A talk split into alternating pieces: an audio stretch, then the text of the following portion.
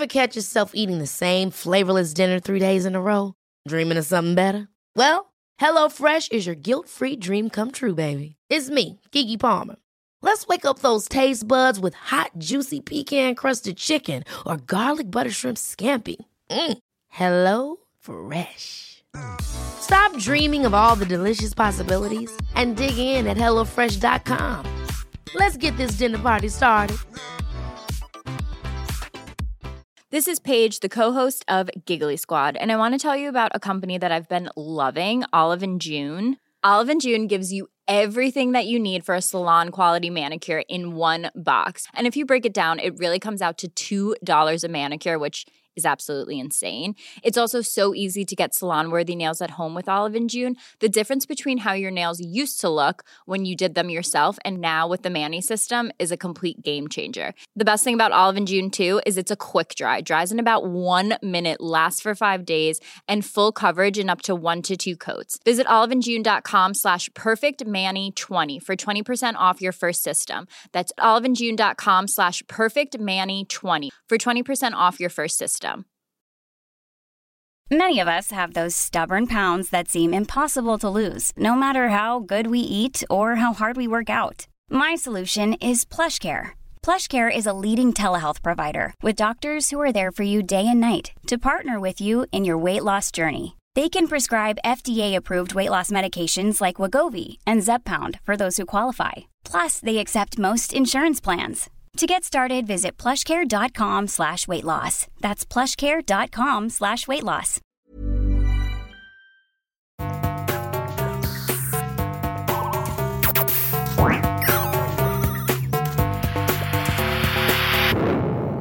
Velkommen til Sinnsyn. Jeg heter Sondre Risom Livre, er psykolog, og dette er Webpsykologens podkast. Hverdagspsykologi for fagfolk og folk flest.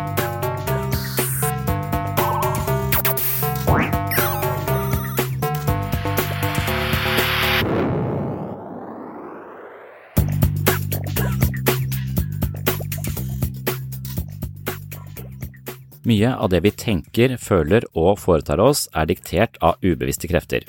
Ubevisste negative mønstre kan snike seg inn i vårt mentale liv og ødelegge for oss, men slike livsmønstre kan endres. Spørsmålet er hvordan. På Webpsykologen har jeg laget en slags personlighetstest eller et selvhjelpsprogram som sikter på å identifisere såkalte negative leveregler. Leveregler er et begrep fra teoriene til Young og Klosko, og de refererer til langsiktige mønstre som ligger dypt i oss og styrer måten vi tenker, føler og handler på. Vonde erfaringer gjennom livet skriver seg inn i vårt psykologiske repertoar og blir en del av oss. Kritikk, mobbing, avvisning, separasjon, vold eller trakassering er bare noen faktorer som kan gi dype sår. Det kan legge seg som en slags ondarta svulst på selvfølelsen og bli en negativ del av vårt livsperspektiv gjennom hele livet. Negative leveregler er ikke noe vi alltid er bevisst, men det kan likevel styre vårt liv inn på destruktive blindveier uten at vi er klar over det. I de kommende episodene her på Sinnsyn så skal jeg snakke litt mer om disse negative livsmønstrene, men jeg skal ha hovedfokus på hvordan vi kan endre dem. For én ting er å ha innsikt i sine uvaner eller psykologiske uvaner, en annen ting er å endre disse uvanene. Så innsikt er rett og slett ikke nok, ifølge en del psykologiske teorier. Freud tenkte ofte at så fort du forstår din, dine indre konflikter og problematikken fra barndommen, så vil symptomene forsvinne av seg selv. Det er ikke min erfaring, og det er også mange andre psykologer og klinikere som har erfart at innsikt ikke er nok. Vi kan forstå oss selv intellektuelt sett, men likevel leve ut ganske negative og destruktive livsmønstre. Så når du først forstår dine negative livsmønstre, så må du lage en ganske god plan, en ganske systematisk plan på hvordan de kan endres. Og det blir altså fokus for de kommende episodene her på Sinnssyn. Og jeg skal holde meg til det som kalles for skjematerapi, som også er utviklet av Jeffrey Young. Det er en amerikansk psykolog som jeg har stor sans for. Skjematerapi er en integrativ terapiform som kombinerer kognitive terapimetoder med gestaltterapeutiske teknikker og visualiseringsøvelser. Skjematerapeuten hjelper pasienten med å finne problemområder som oppleves eh, som fastlåste, for deretter å utforske hvordan disse har utviklet seg fra barndommen. Et viktig poeng er å se hvordan mestringsstrategier som har vært hensiktsmessige tidligere i livet, kan forsterke problemområdene i voksen alder. Problemområdene kalles eh, skjemaer eller livsregler eller negative leveregler eller livsmønstre eller livsspor, det kan du selv velge hva du syns passer best, og det er et eh, viktig mål i terapien å gjenkjenne skjemaene og senere endre disse. Man jobber også med å bevisstgjøre pasienten hvilke modus pasienten er i i terapitimen. Modus er en emosjonell og atferdsmessig tilstand som er mer eller mindre ubevisst og er en konsekvens av disse skjemaene. Det er et mål at pasienten lærer seg å gå inn i en sunn voksenmodus, vil si en tilstand der pasienten kan ha sunn egenomsorg og konstruktiv metakognisjon, altså et ganske klart blikk på sin egen måte å fungere på, altså ikke være fanget av seg selv, men ha en viss oversikt over hvilke følelser og tanker som er på spill, og hvordan de styrer eh, våre livsperspektiver. Så det vil si at man har en slags oversikt over hele denne kognitive fabrikken som eh, konstruerer alle våre opplevelser av livet, så istedenfor å være fanget av de opplevelsene som konstrueres der og da, så har vi en eh, viss sånn idé om hvorfor akkurat disse opplevelsene konstrueres i akkurat denne situasjonen, og da kan vi disidentifisere oss litt med disse mønstrene, som eh, er et eh, konsept, altså ikke være ja, ikke tro på alt du tenker og føler, men ha en eh, slags øye for at disse opplevelsene har ofte et tilsnitt av erfaringer fra tidligere i livet, og sånn sett så er alle nye erfaringer farget av våre tidligere erfaringer. Og det å ha det in mente i møte med litt utfordrende situasjoner, det kalles for metakognisjon altså at vi tenker på vår egen måte å konstruere nye opplevelser på. Skjematerapi har meget gode terapeutiske resultater for personer med såkalte personlighetsforstyrrelser, og anbefales av eh, nestoren i kognitiv terapi, Aaron T. Beck. Terapiformen har stor anvendelse og anbefales dersom pasienten ønsker og trenger et terapeutisk tilbud som går ut over klassisk kognitiv korttidsterapi. Og jeg er jo ikke nødvendigvis en um, kognitiv terapeut på noe som helst måte, jeg er nok mer uh, dynamisk orientert og har jo en slags forkjærlighet for uh, de gamle klassikerne og psykoanalysen, selv om jeg innser at psykoanalyse har sine absolutte begrensninger. Men det er kanskje derfor også jeg tiltrekkes denne skjematerapien, for det er uh, helt klart dynamiske ingredienser i denne terapiformen og denne forståelsesformen, dette teoretiske rammeverket i skjematerapi, hvor man er veldig opptatt av at eh, fortiden lever i nåtiden, som altså er denne ideen fra Freud og egentlig kanskje mange eh, andre teoretikere med ham og før ham. Men eh, skjematerapien handler ikke bare om at du tenker feil, det handler også om å forstå hvordan disse skjemaene utviklet seg, så så man eh, finner røttene til eh, måten man tenker, føler og handler på, og da forstår hvorfor disse ulike modusene eller reaksjonsmåtene var hensiktsmessig når vi vokste opp, men i dag rett og slett sparker beina under oss i mange situasjoner. Så man kan jo si at skjematerapien har med seg det beste fra den kognitive Eh, tradisjonen, men har også helt klare elementer fra mer dynamisk orienterte eh, psykoterapiformer. Og det synes jeg er fint. Eh, jeg tenker jo at alt du tenker og føler er bare litt riktig, så det å ta med seg det de fleste har tenkt og følt på som litt riktig, altså inkludere og integrere mange perspektiver på psykisk helse, det har jeg sans for. Ser ikke at skjematerapi tar inn over seg alle, alle, perspektivene som er mulig å ta inn over seg, absolutt ikke, men er en slags eh, hybridmodell som kan fungere som et eh, godt utgangspunkt for eh, ganske mange terapier, og spesielt da i møte med mennesker som har det man kaller personlighetsforstyrrelser, eller altså Det vil også si skjemaer som stadig eh, gjentar seg i ulike situasjoner, og man er ikke i stand til å, å bryte disse mønstrene. men har en slags personlig stil i møte med verden som er eh, lite hensiktsmessig, enten man klamrer seg til folk og er avhengig, eller konsekvent avviser andre mennesker, eller er eh, kronisk paronid på alt og alle så er dette altså måter å se verden på som er såpass omfattende og såpass dyptgripende i personens personlighet at man kaller det en personlighetsforstyrrelse. Jeffrey Young er også en person som har påvirka meg eh, mye som terapeut. Jeg har hørt ham på forelesninger, lest mye av det han har skrevet og fulgt arbeidet hans gjennom mange år. Jeg tror det er hans eh, pedagogiske skrivestil som fanget meg i første omgang, og deretter har jeg fått tiltro til hans eh, teorier og kliniske metoder. Jeffrey Young har innsett at innsikt i problemets natur ikke er nok til å skape forandring, noe jeg selv har erfart i møte med hundrevis av pasienter. Selv om vi forstår intellektuelt at vi gjentar et mønster som reflekterer vonde erfaringer fra oppveksten, er ikke denne innsikten nok til at vi endrer kurs. Selv om vi forstår vårt eget mønster, hvorfor det dukker opp og i hvilke situasjoner, kan det fortsatt hende at vi gjentar nettopp dette mønsteret selv om vi innser at det er skadelig. Fornuften vår vinner ikke over følelsene eller vår innebygde psykologiske autopilot. For å endre seg må man aktivt trene på endring i lang tid. Akkurat som ved fysisk aktivitet kan vi forstå prinsippene i eksempelvis vektløfting, men denne innsikten gjør oss ikke sterkere. Vi må løfte vekter i henhold til de metodene vi har lært oss, og dette må vi gjenta veldig mange ganger før vi får en sterkere kropp. Jeg har sans for eh, skjematerapi fordi den presenterer innsikt på en lettfattelig måte, og deretter kommer den med mange konkrete forslag til hvordan man skal implementere innsikten i eget liv. Så det betyr at den har teorien, men den har også en praksis som er selve vektløftinga. I dagens episode skal vi se litt på denne typen endringsprosesser, og i de kommende episodene her på Sinnsyn skal vi fortsette i dette sporet og undersøke hva Jeffrey Young mener når han påstår at innsikt ikke er nok for å skape forandring. Her kan du høre ham selv snakke litt om forholdet mellom fornuft og følelser, og hvordan våre negative leveregler typisk er eh, forholdsvis uangripelige med kun vår egen fornuft. I guess this is at the time of the private practice, or when you go to private practice, is when you start hearing that often quoted phrase like, Yeah, I can get the rationale intellectually, but I still feel the same.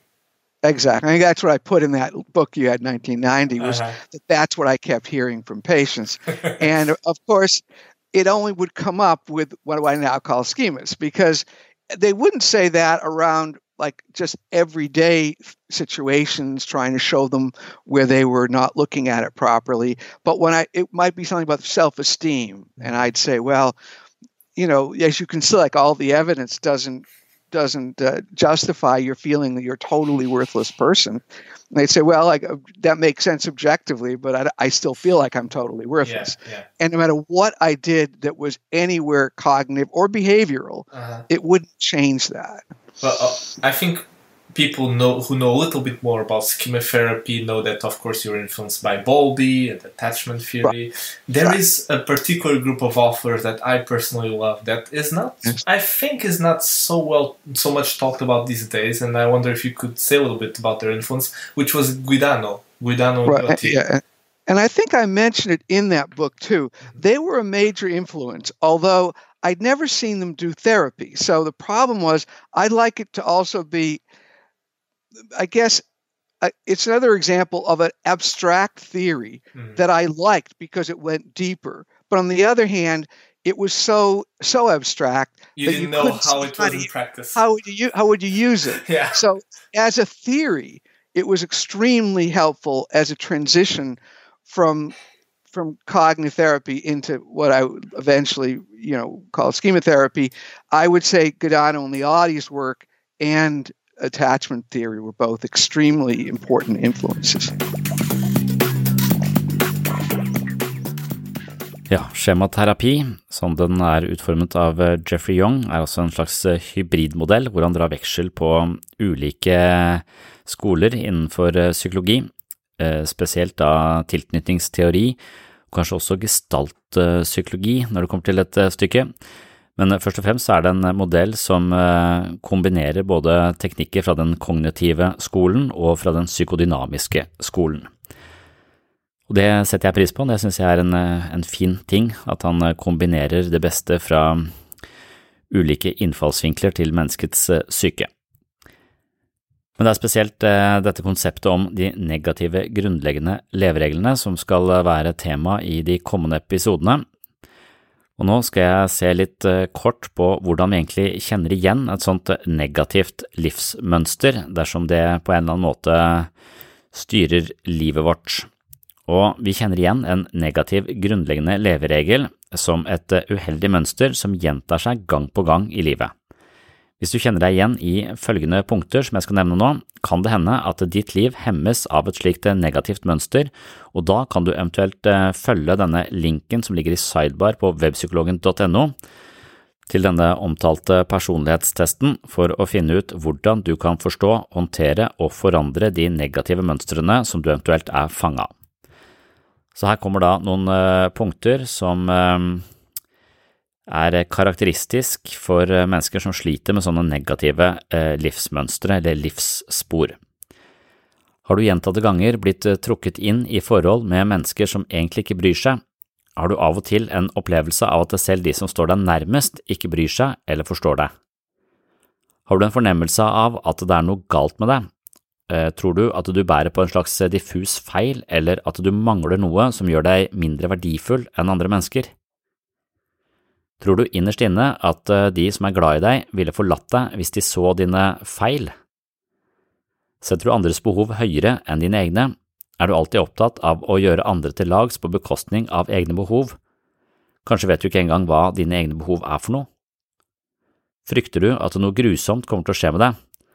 Kan en mild forkjølelse føre til at du begynner å bekymre deg for langt verre symptomer? Opplever du at eh, uansett hvor mye anerkjennelse, sosial aksept og skryt du får, så føler du deg fortsatt ulykkelig, uforløst eller at det er ufortjent? Dette er bare noen få eksempler på såkalte negative leveregler. I testen på webpsykologen.no kan du bli bedre kjent med negative leveregler som eventuelt er aktuelle for akkurat deg. Du kan lære å gjenkjenne levereglene, forstå hvor de kom fra og hvordan de oppsto, mens eh, i denne episoden skal jeg begynne å undersøke hva vi kan eh, gjøre med dem, og hvordan vi kan endre dem. Som nevnt blir det også et tema for eh, flere kommende episoder her på Sinnssyn. Dersom vi manøvrerer rundt i livet med negative leveregler, risikerer man at hjernen blir ens største fiende. Hjernen er full av tanker som dukker opp uten å be om tillatelse fra oss, selv om det er vi selv som eier vår egen hjerne. Det er eh, paradoksalt at den verste mobberen man utsettes for, kan være en selv. Mark Norman reflekterer over dette i et show på Comedy Central.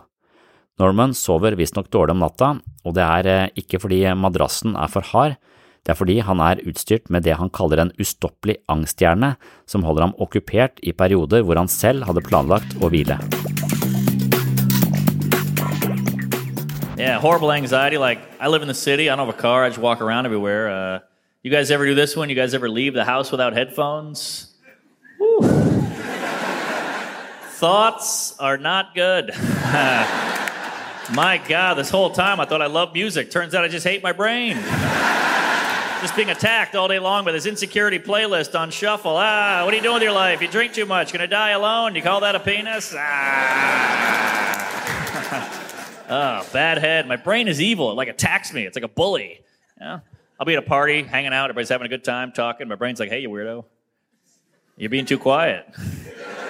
Everybody's wondering why you're such a quiet weirdo. Come on. Get in there. Say something, you lunatic. Come on, you freak. Jump in, you psycho. Come on, get in there. You finally say something, your brain goes, whoo, that's what you picked? Ah. Shut up, dummy.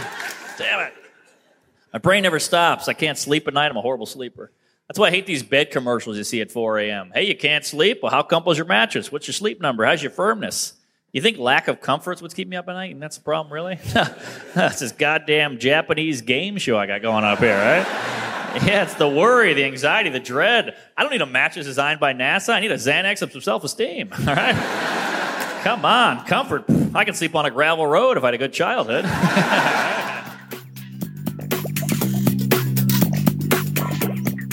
Mark Norman han setter det litt på spissen, noe de fleste standup-komikere har en tendens til. Men jeg tror de fleste kan kjenne seg igjen i å ha en hjerne som av og til kjører sitt eh, eget eh, løp, og umuliggjør både søvn og hvile fordi enhver liten bekymring skal eh, blåses opp, undersøkes, veies og vendes, og på den måten så blir livet veldig anstrengende. Så hjernen er noe vi helst bør ha kontroll på, og i denne hjernen, eller dette hjernemaskineriet, så ligger det noen programmer som eh, bestemmer hvordan denne hjernen skal oppføre seg, og noen av disse programmene kaller John Klosko for negative grunnleggende leveregler, som vi har vært eh, inne på mange ganger her. Og da er spørsmålet hvordan kan disse negative levereglene eventuelt endres hvis de er negative? Dette er den eh, første av tja, eh, omtrent åtte episoder, tenker jeg, som skal handle om å endre negative leveregler. Til sammen skal eh, disse ja, fem til åtte artiklene eller episodene utgjøre grunnmuren i en slags endringsfilosofi. Når vi skal endre et negativt mønster, krever det vilje til å oppleve smerte. Vi må konfrontere negative livsmønstre og følelser, forstå dem, leve dem og deretter leve forbi dem. Det er i flukten fra vårt indre liv at smerten kronifiseres og livsmønstrene får lov til å eksistere på en måte som gjentar fortidens traumer. Så lenge våre negative leveregler ikke blir gjenstand for oppmerksomhet og analyse, får de som regel lov til å ligge i skyggen av vår bevissthet og stikke kjepper i hjulene for vår livsførsel. Vi går rett og slett mye på autopilot og gjentar vaner for tenkning, følelser og relasjoner, og vi gjør det vi tidligere har gjort i livene våre uten at vi egentlig legger merke til det. Vi er langt på vei ubevisste vanedyr, noe som gir oss eh, trygghet og forutsigbarhet, men det kan også hindre vekst og utvikling. Hvis du er mer interessert i dette, så er det en artikkel på webpsykologen som heter Slik gjentar vi fortidens tabber, og der har jeg en mer eh, inngående innføring i våre psykiske repeterende tendenser. Hvis du kjente deg igjen i eh, dette med negative leveregler, eller kjente deg igjen i Mark Norman og hans galopperende tankevirksomhet med uro til følge, så fokuserer jeg også på negative leveregler i episode 18, 19 og 20 på patron.com for segs sinnssyn, og jeg har en øvelse som handler om å redusere tankekjør på kvelden, hvor jeg også presenterer min egen metode for å sovne. For jeg selv er ikke fritatt fra galopperende tankevirksomhet. Ofte så kan jeg ligge timevis og tenke, enten det handler om eh, ting jeg bekymrer meg for, eller ting jeg skal utrette og mer kreative ideer. Og det er jo fint med kreative ideer og en slags produktiv tankevirksomhet, men ikke klokka to på natta når du skal tidlig opp dagen etter på jobb. Så dermed så kan det være lurt å ha noen mentalt disiplinerende teknikker for å falle i søvn, og jeg mener jo selv at jeg har eh, utviklet noen sånne gjennom årene, og spesielt da i befatning med mindfulness, og hvis du vil lære mer om det og høre mine teknikker, så er det også på patron.com for segs sinnssyn. Og som de fleste har fått med seg, så er Patron et sted hvor det er mulig å støtte denne podkasten med et selvvalgt beløp i måneden. Det er jo forholdsvis eh, ressurskrevende å drive denne podkasten, men heldigvis så får jeg veldig god hjelp av eh, Patron-supportere som eh, gir et lite beløp hver måned, og som takk for denne støtten, og som takk for at de da er med på å holde hjula i gang her på, på Sinnsyn, så får Patron-supportere ganske mye ekstra materiale. Det er flere episoder der, det er nye episoder fra sinnssyn som kun blir publisert der inne, det er øvelser. Jeg leser mine egne bøker kapittel for kapittel og avslutter med en øvelse. Og alt dette ekstramaterialet utgjør til sammen det jeg kaller et mentalt treningsstudio, hvor det altså kan gå mer i dybden på den typen tematikk som du finner her på den åpne sinnssyn-podkasten. Så Patron-supportere støtter eh, altså Sinnsyn med et lite beløp i måneden, og da kan du også få et abonnement på mitt mentale treningsstudio. Der kan du dykke mer ned i dette med leveregler, og du kan også høre mine forslag til ulike øvelser man kan gjøre for å få mer kontroll og oversikt på det som foregår inni oss. Så da var den reklamen unnagjort for patron.com. Så for de som har muligheten til å støtte podkasten, og ja, de som uh, finner verdi her på, på sinnssyn, så er det altså patron.com for seg sinnssyn som er uh, stedet.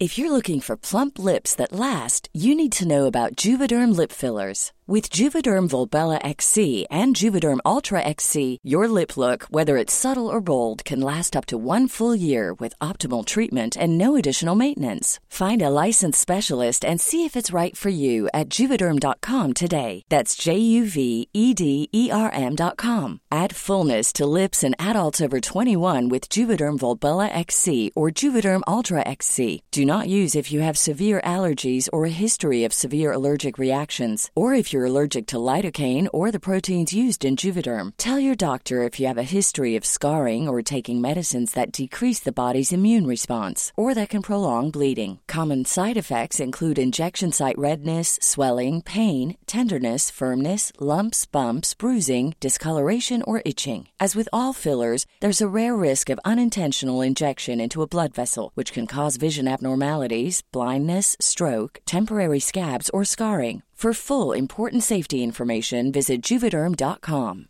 When you're ready to pop the question, the last thing you want to do is second guess the ring. At Bluenile.com, you can design a one of a kind ring with the ease and convenience of shopping online. Choose your diamond and setting. When you find the one, you'll get it delivered right to your door. Go to Bluenile.com and use promo code LISTEN to get $50 off your purchase of $500 or more. That's code LISTEN at Bluenile.com for $50 off your purchase. Bluenile.com code LISTEN. Ryan Reynolds here from Mint Mobile. With the price of just about everything going up during inflation, we thought we'd bring our prices down. So to help us, we brought in a reverse auctioneer, which is apparently a thing. Mint Mobile unlimited premium wireless. Ready to get 30, 30, bit to get 30, bit to get 20, 20, 20, bit to get 20, 20, bit to get 15, 15, 15, 15 just 15 bucks a month. So, Give it a try at mintmobile.com/switch. slash $45 up front for 3 months plus taxes and fees. Promo rate for new customers for limited time. Unlimited more than 40 gigabytes per month slows. Full terms at mintmobile.com. Nå skal jeg gå videre i dagens episode, eh, og første punkt i denne endringsfilosofien eh, handler altså om å sette navn på sine negative livsmønstre. For å sette navn på mønstrene så kan det hjelpe å ha et eh, språk, og som nevnt så er det da altså denne personlighetstesten i Sidebar på webpsykologen hvor du kan få hjelp til å identifisere de livsmønstrene du eventuelt er fanga av, og kanskje da uten helt å være seg bevisst hvordan disse styrer måten du lever og tenker på.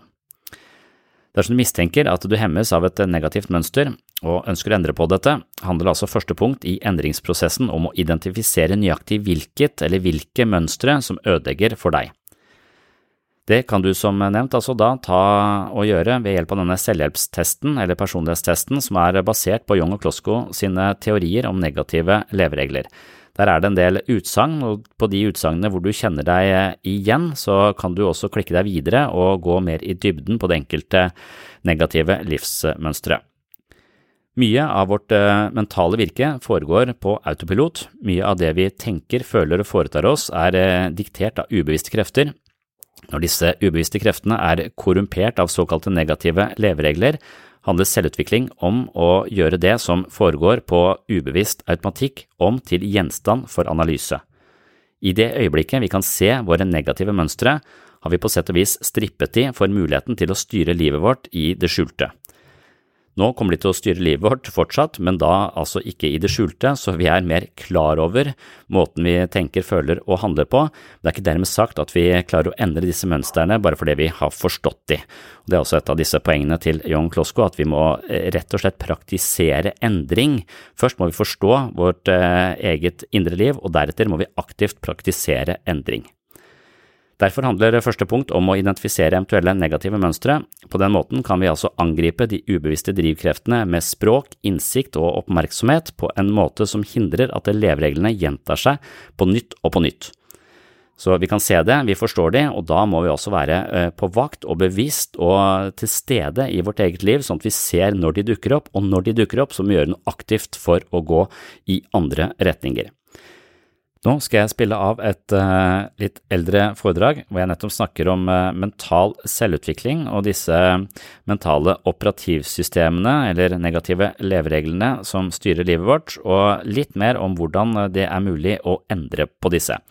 Du får ikke en fullstendig oppskrift på å endre negative mønstre i denne episoden, men hvis du bare henger med på sinnssyn i de kommende ukene, så vil jeg angripe ulike eh, aspekter ved de negative levereglene og komme med forslag til hvordan de kan endres og disse praktiske øvelsene som må til for å klare å få bukt med denne typen eh, mental programvare.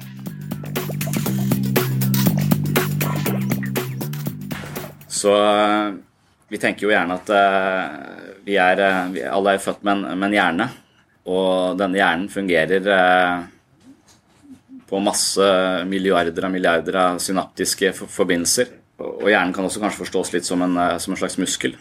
Men den muskelen den reagerer ikke på Vi løfter jo ikke akkurat vekter med, med hjernen, men vi eh, stimulerer hjernen med erfaringer og inntrykk. Så denne hjernen vi har, som vi fødes inn i verden med, den vil det etter hvert installeres et slags eh, operativsystem i. Det er et operativsystemet som kommer til å være fokus eh, for dagen, dagen i dag dette mentale operativsystemet som på en måte styrer både måten vi tenker, føler og handler på. Hva er dette operativsystemet? Kanskje man kan kalle det personlighet, man kan kalle det mange, mange forskjellige ting. Men eh, det er noe med at vi skaper våre egne mentale modeller av virkeligheten. Og disse måtene vi forstår oss selv og verden på, det filtreres gjennom dette operativsystemet. Så det å være interessert i dette operativsystemet er viktig, for her kan det være masse små feiljusteringer. Så dattera mi sa til meg for et par dager siden, så vet jeg ikke, jeg tror jeg satt og så eh, Jeg har to barn. Dattera mi er fire. Så satt jeg, tror jeg satt og så, så ut som jeg tenkte. Og så spurte hun pappa hva, hva tenker du på? Og så sa jeg ja, akkurat nå tenkte jeg faktisk på deg. Å, sa han. Og så ja, er, er jeg inne i ditt hode, da? Og så ja, for så vidt så er du inne i mitt, uh, mitt hode. Så tenkte hun litt til. Men jeg er jo ikke det. Jeg er jo her. Sånn. Og det er på en måte et ganske viktig, viktig poeng. For eh, hun er der ute. Men det jeg ser, er jo min modell av henne her inne. Og den er farget av, eh, av mitt eh, på en måte mentale operativsystem. Så dette er også en sånn slags innsikt som allerede som Kant var opptatt av. En filosofen Immanuel Kant innenfor filosofi så hadde han dette som heter den kopernikanske vendingen. Det ble iallfall kalt det i etterkant. Copernicus sola og svirre rundt. Og så, men mens i forhold til filosofien så var det at det, han, han, sa at verden er ikke sånn du ser den. Du er med på å skape dine egne verdensbilder. Så, så istedenfor å tro at, det, at det sånn måten vi opplever verden på, er en én-til-én-projeksjon av det vi forstår og det, det vi ser, så, så, sa han at eh, vi, eh, du kan aldri egentlig erkjenne verden helt og holdent, fordi at du er alltid med på å skape disse verdensbildene inni ditt eget hode. Så du er forfatter av dine egne eh, verdensbilder. Og Det betydde at filosofien begynte å snu seg, eller vi begynte å se innover. Vi begynte å se på denne linsen, denne, denne, dette mentale filteret som alle erfaringene kommer gjennom og treffer oss med. Det vi tenker, føler og gjør, Eh, det styres sånn ca. 95% av eh, ubevisste ting. Så en metastudie som har sett på dette her, mener at 95% av det vi foretar oss, er ubevisst. Og så er det 5% som er bevisst. De 5% de ligger gjerne her oppe i, eh, i panna. Og hvis man ønsker å utvikle seg, så vil man utvide bevisstheten sin. Man må vite litt mer om uh, måten man tenker, føler og handler på, sånn at det ikke går på total automatikk. For automatikken tar oss ofte inn i situasjoner og inn i mønster eh, som en gjentagelse av dessverre av ofte de skadeligste relasjonene vi hadde når vi vokste opp. Så, så, Et annet tema i dag altså Temaet er dette operativsystemet, på sett og vis, men temaet er også evnen til å utvide sin egen bevissthet. Det er, eh, det er sånn jeg forstår eh, selvutvikling. Få litt større plass i seg selv og til å tåle, forstå og, og på en måte håndtere sitt eget indre liv, og spesielt følelser, på en mer adekvat måte. Når vi ikke har rom i oss selv til å håndtere og tåle følelsene, så blir de ofte til kropp. Så barn f.eks. har jo ikke så mye språk på, på følelsene sine. Eh, når de har eh, en måte sjelelige plager eller, eller eh, psykisk ubehag, så har de ofte vondt i magen. Så, så lenge vi ikke har et språk, en forståelse, en bevissthet som kan på en måte håndtere vårt eget indre liv, så blir det ofte omgjort til et eller annet symptom. Noen kutter seg i armen, noen spiser piller, noen jobber døgnet rundt. Vi har mange strategier hvor, hvor, følelsene bare, vi bare fanges av de, vi, vi agerer de istedenfor å håndtere de psykologisk. Så psykisk helse handler jo mye om å øke bevisstheten om det som foregår inni oss og mellom oss. Så det er også et litt sånn eh, eh, viktig, viktig tema. Ja, hvem installerer programvaren? Vi slår fast at vi har dette mentale operativsystemet, som noen syns er en litt sånn mekanistisk eh, metafor. Kanskje det passer ikke helt, for vi er jo ikke en datamaskin. Men i denne metaforen så vil jo hjernen da være datamaskinen, og så vil, eh, vil operativsystemet være Vårt mentale operativsystem tilsvarer Windows sannsynligvis, eller et eller annet. Og greia er at hvis vi har psykiske plager, så kan det ha uhorvelig mange årsaker. Men eh, det vi kan gjøre selv, er å se på hvordan vi tolker informasjonen. Hvordan vi forstår oss selv, holdningene våre, perspektivene våre. Og da hender det at jeg møter Jeg møter jo mennesker som jeg kaller pasienter, for pasienter betyr en som lider. Eh, så det er liksom Bruker fortsatt det. Men, eh, og, og de har ofte et, eh, et operativsystem som fungerer ikke optimalt. Litt sånn som Hvis jeg hadde hatt Windows 95 på den maskinen, her, så hadde ikke det fungert. Data inn da blir dårlig data, data, ut. Da sier Windows jeg beklager, jeg har gjort en ulovlig operasjon og jeg skammer meg sånn at jeg lukker meg ned. Og Sånn er det litt også med, eh, med noen, eh, noen menneskers operativsystem. At det, eh, det, tolker informasjon på en nedslående og ganske dramatisk og, og egentlig av og til forferdelig måte. Og da er det fordi de er fanget av dette operativsystemet. Og, og, og da vil terapi ofte være istedenfor å bli med inn i disse tankene og, og, følelsene, begynne å anspore til å se på måten man tenker på, måten man uh, føler på. Hva heter disse følelsene? Så istedenfor å være følelsen, se følelsen. Det er uh, på en måte psykoterapiens uh, vesen. Det er å gjøre sitt eget indre liv til gjenstand for analyse, sånn at jeg ikke lenger er fanget av det, men en som ser det. Jeg er ikke en offer for mine egne tanker, men jeg er en observatør av mine egne tanker og, og følelser. Det er en mental muskel. Det er et sted i hjernen som klarer denne, på en måte, å ta denne eh, skrittet tilbake istedenfor å være seg selv, se, eh, se, seg selv. Og da er det Vi må begynne å se på dette mentale operativsystemet. Er det sant? Hva forteller det deg? Hva, hvordan er det skrudd sammen? Det er skrudd sammen av andre mennesker. Vi eh, barn vet hvem de er i ansiktet til voksne. Så omsorgspersoner og miljøet rundt barnet er med på å installere barnets operativsystem. Barn vet ikke hva følelsene heter, de vet ikke hvem de er, men de leser det i andres uh, ansikter. Derfor så tenker, vi vi er opptatt av de første, første leveåra, for det, de, det er uh, i kontakten med miljøet rundt oss at vi blir skrudd sammen. Og det er disse tilbakemeldingene og den måten vi, eh, de situasjonene vi kommer opp i, hvor vi gjennom situasjoner og andre mennesker forstår eh, oss selv eh, og skapes som, som menneske. Så følelser er jo én ting, og, og, tanker og selvforståelse og sånn er også en annen ting. Så dette mentale operativsystemet som jeg snakker om, når vi er eldre, på en måte er satt i og har blitt en del av, det vil på en måte være et ekko av alt vi har opplevd opp til, opp til nå. Og da kan man forestille seg at eh, hvis man f.eks.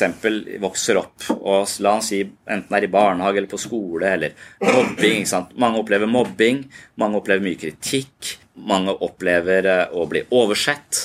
Alle sånne ting som gjentar seg flere ganger, er med på å påvirke operativsystemet vårt. Så man kan godt si at eh, jeg ble mobba, men han var en dust, så jeg bryr meg ikke om hva han sier. Det kan man tenke med disse fem prosentene som er bevisste.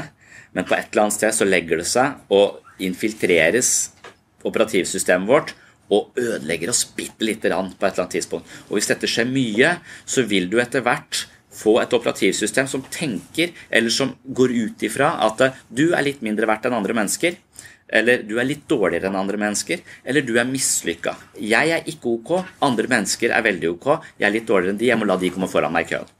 Dette er eh, mentale operativsystemer som utvikles i mennesker i takt med de erfaringene de gjør seg med, med omgivelsene.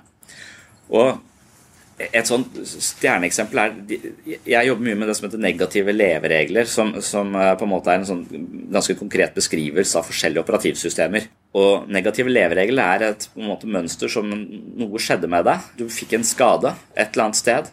Og det gir gjenklang også langt ut i eh, livsforløpet. Og der dette, en leveregel ligger langt baki her, stilt igjen en stille stemme du ikke hører, men den styrer likevel måten du tenker, føler og handler på.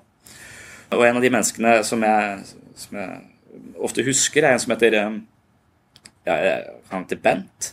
Og han jobbet i et, et TV-selskap.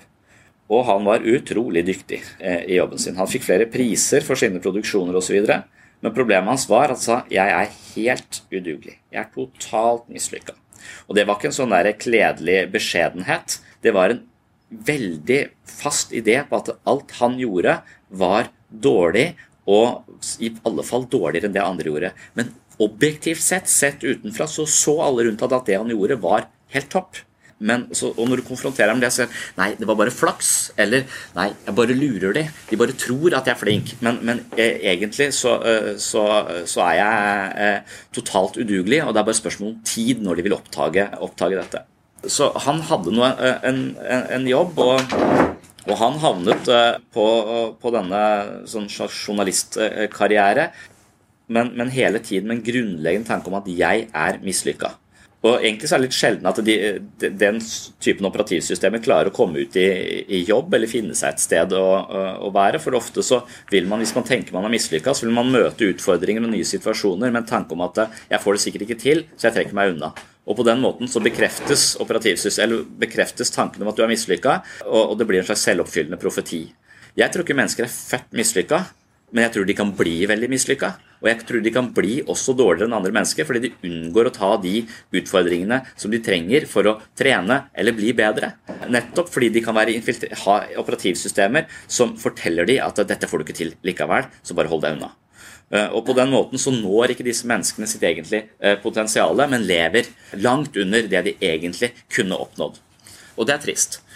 Og Hvis man ser på Bent, da, som faktisk oppnådde ganske mye til tross for denne leveregelen, så, så måtte vi gå tilbake i historien og se hvordan, hvordan fikk du denne ideen om at du mislykka? For den er litt diffus for meg. Jeg vet ikke hvorfor du mislykka. I og med at du får disse gode resultatene, så er det vanskelig for meg å se hvorfor du er så mislykka.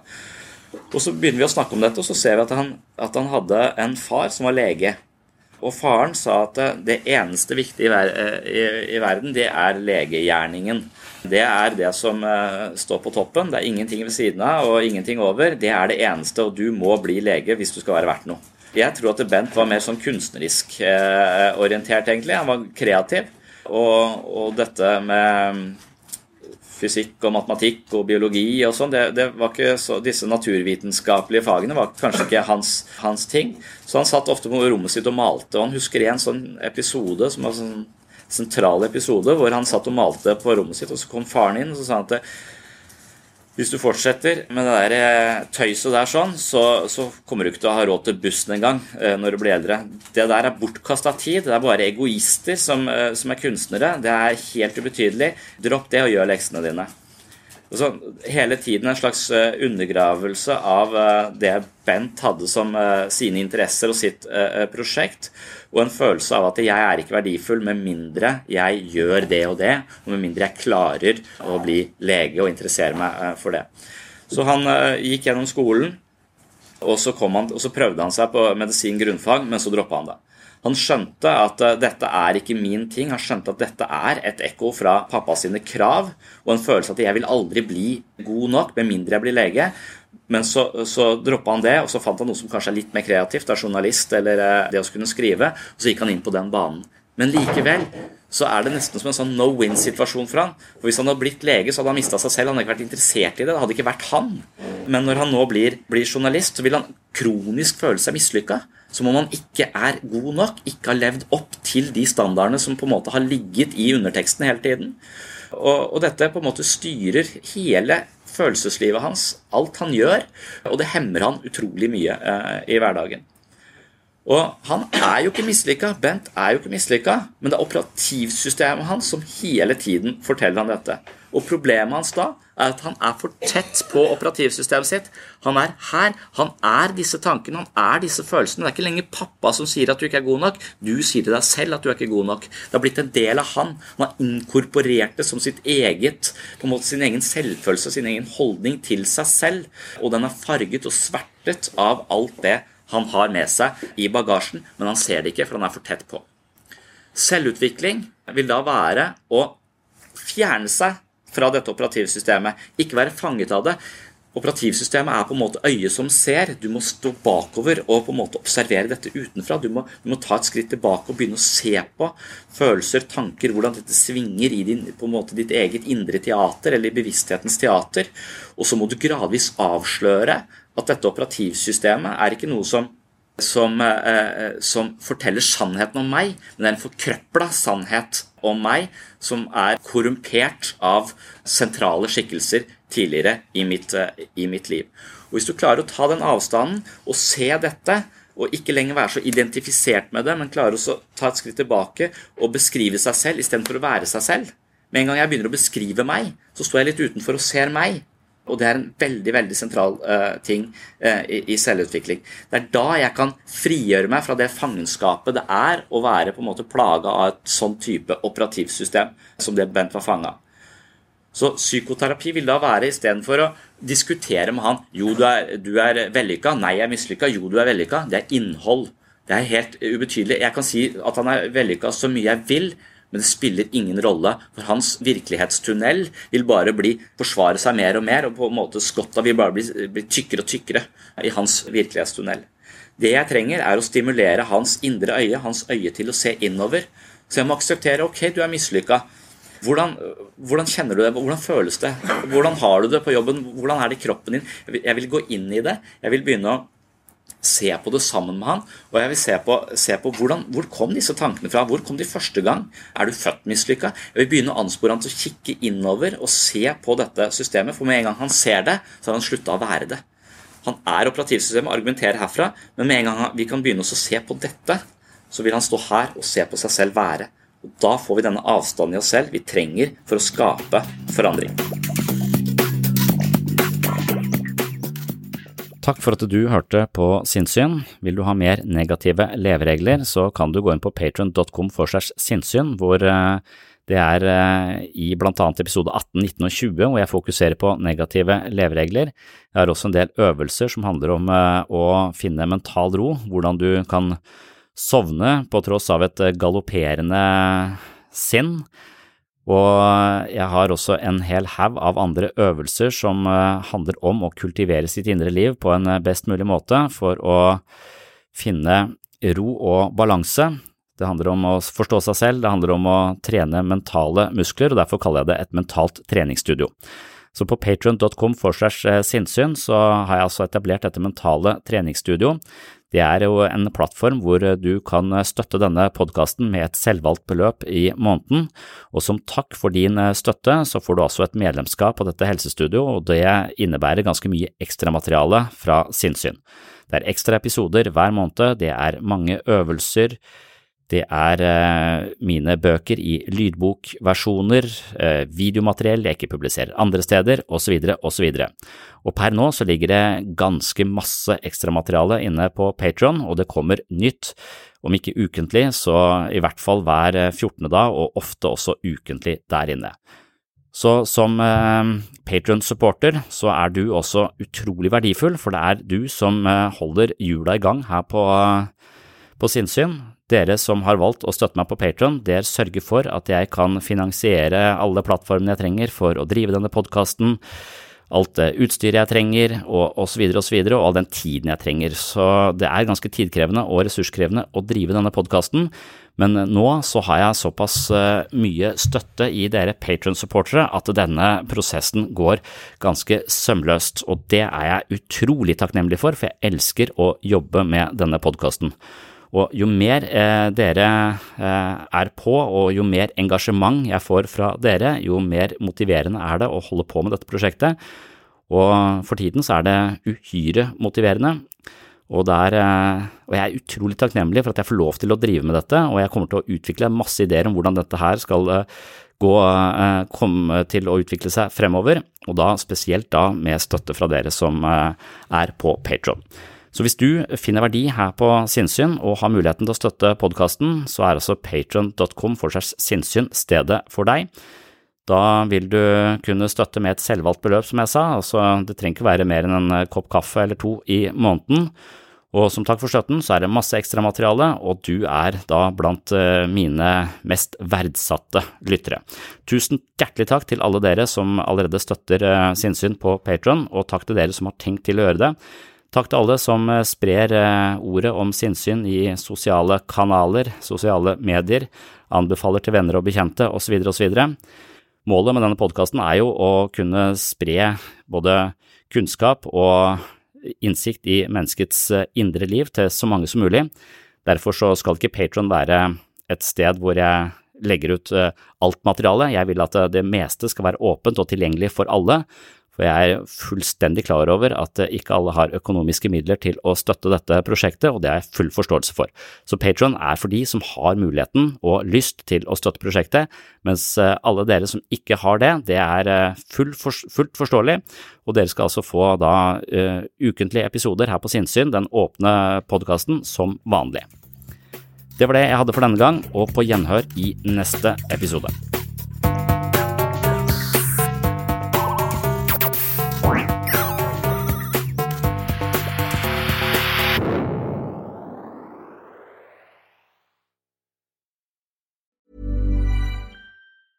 Mom deserves the best, and there's no better place to shop for Mother's Day than Whole Foods Market. They're your destination for unbeatable savings, from premium gifts to show-stopping flowers and irresistible desserts. Start by saving 33% with Prime on all body care and candles. Then get a 15-stem bunch of tulips for just $9.99 each with Prime. Round out Mom's menu with festive rosé, irresistible berry chantilly cake, and more special treats. Come celebrate Mother's Day at Whole Foods Market.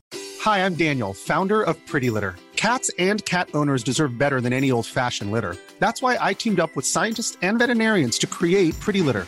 Its innovative crystal formula has superior odor control and weighs up to 80% less than clay litter. Pretty Litter even monitors health by changing colors to help detect early signs of potential illness. It's the world's smartest kitty litter. Go to prettylitter.com and use code ACAST for 20% off your first order and a free cat toy. Terms and conditions apply. See site for details.